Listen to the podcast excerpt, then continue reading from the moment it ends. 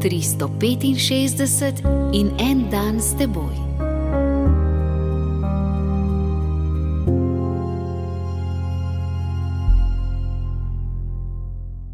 Iz drugega Petrovega pisma, tretje poglavje, osma vrstica. Tega, ljubi, ne smete prezreti. Pred Gospodom je en dan, kakor tisoč let, in tisoč let, kakor en dan.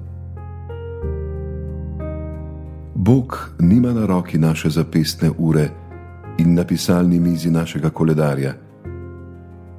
To nas spravlja v zadrego in nam povzroča velike težave. Prosimo in bi radi bili uslišani v času, kakor ga pojmujemo mi. Že toliko časa prosim za tega bolnega otroka, Bog pa me ne usliši. Kako dolgo že prosiš? Tri leta.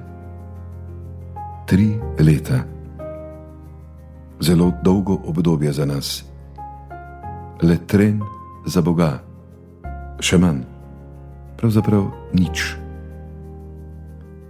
Kaj ti njemu ne minevajo dnevi drug za drugim, objema jih vse z enim samim pogledom. Ko zemlja še ni prišla iz teme niča, je Bog že imel pred seboj vse ljudi, vsakega posebej, od prvega do poslednjega. In?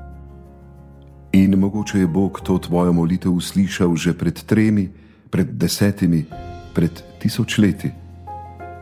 Ni se lahko sporozumevati s takšnim Bogom.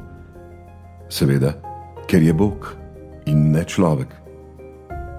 Toda z Bogom je tako, ali pa ni Bog. Če hočemo imeti Boga po svoji meri, v dosegu naših predstav, si ga moramo ustvariti. Ampak kaj bomo potem počeli z Bogom, ki ni Bog?